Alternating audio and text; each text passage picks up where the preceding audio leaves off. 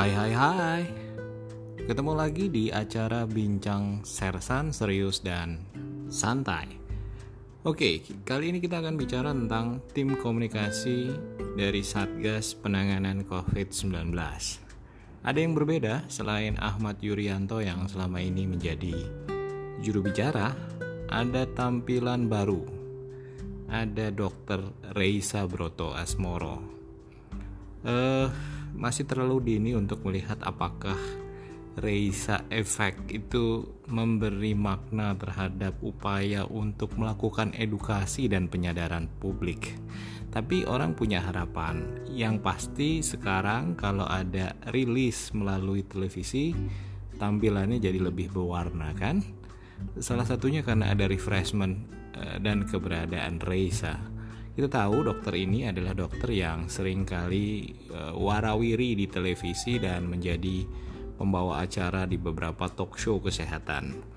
Kalau bicara soal kesehatan uh, sudah pas dalam arti yang bersangkutan memang seorang dokter dan dalam konteks kemampuan komunikasi ini yang menjadi uh, hal yang perlu ditekankan. Apa yang berbeda dari satuan tugas penanganan COVID-19 dengan talk show kesehatan. Yang pertama, ini menjadi public interest, artinya seluruh masyarakat akan sangat memperhatikan apa yang dibicarakan di dalam tim kerja komunikasi gugus tugas. Beda halnya dengan talk show. Talk show eh, sudah disetting, sudah dibentuk on script, eh, lalu kemudian Eh, fokusnya jelas hanya memenuhi kepentingan keingintahuan publik. Eh, meskipun rada, rada mirip uh, dengan itu, tapi satuan gugus tugas penanganan COVID-19 itu diharapkan mampu membangun satu jembatan komunikasi yang kita kenal dengan nama komunikasi krisis. Apa yang paling penting dari mekanisme komunikasi krisis? Adanya empati, adanya simpati. Kalau kita belajar tentang komunikasi yang efektif, maka prinsip-prinsip komunikasi yang efektif itu harus memastikan agar pesan dan makna di dalam komunikasi itu mampu tersampaikan dengan jelas, lugas, lalu kemudian tanpa distorsi. Prinsip utamanya dikenal dengan prinsip rich ya. Ada respect, ada empathy, ada apa namanya uh, ada clear audible ada clear ada humble.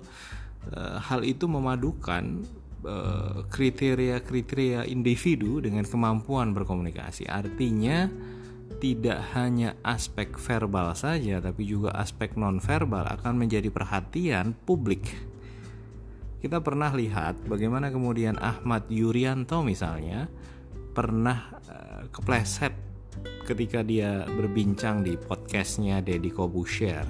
Atau kemudian ketika pilihan kata Ahmad Yuryanto soal penularan wabah dari si miskin kepada si kaya itu menjadi persoalan yang serius yang ditanggapi oleh publik uh, hingga kemudian sampai saat ini fungsi komunikasi yang dilakukan oleh satuan gugus tugas masih bersifat uh, monolog, tidak interaktif dan apa yang disampaikan hanya bicara tentang uh, besaran angka. Harus ada upaya untuk bisa menjelaskan apa yang sedang dan apa yang akan dilakukan Eh, sebagaimana misalnya saat ini sudah ada pembicaraan terkait new, new normal, maka apa strategi yang sedang dipersiapkan? Lalu bagaimana kalau kemudian situasi terburuk terjadi? Kira-kira perlakuannya seperti apa di kota dan di desa? Hal-hal itu harus diterangkan dengan lebih baik keberadaan Reisa Broto Asmoro dalam hal ini untuk membantu tim komunikasi dalam posisinya sebagai dokter, sebagai influencer, tentu memberi dampak. Kita perlu lihat lebih jauh, tapi dia harus memperbesar kapasitas kemampuan komunikasi dalam aspek argumentasi retorik. Dalam komunikasi, aspek retorika itu memiliki tiga komponen pokok. Yang pertama adalah ethos.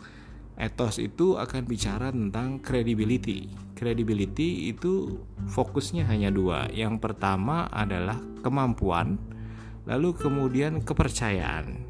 Oleh karena itu, dia akan terkait dengan kapasitas. Knowledge mesti mesti cukup, lalu kemudian eh, kepercayaan yang mesti mesti yang baik. Itu etos. Lalu patos patos itu akan bicara tentang emosi. Bagaimana kemudian seorang juru bicara sebagai komunikator mampu membangkitkan emosi, mampu menyatukan emosi, dan mampu melakukan persuasi secara eh, heart to heart.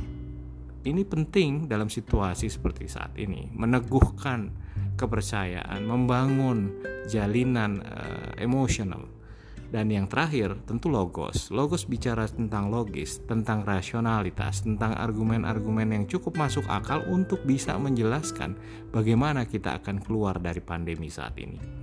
Saya pikir Reza Broto Asmoro perlu kita lihat lebih lanjut kiprahnya di dalam tim komunikasi gugus tugas COVID-19. Setuju atau tidak setuju? Itu pilihan Anda.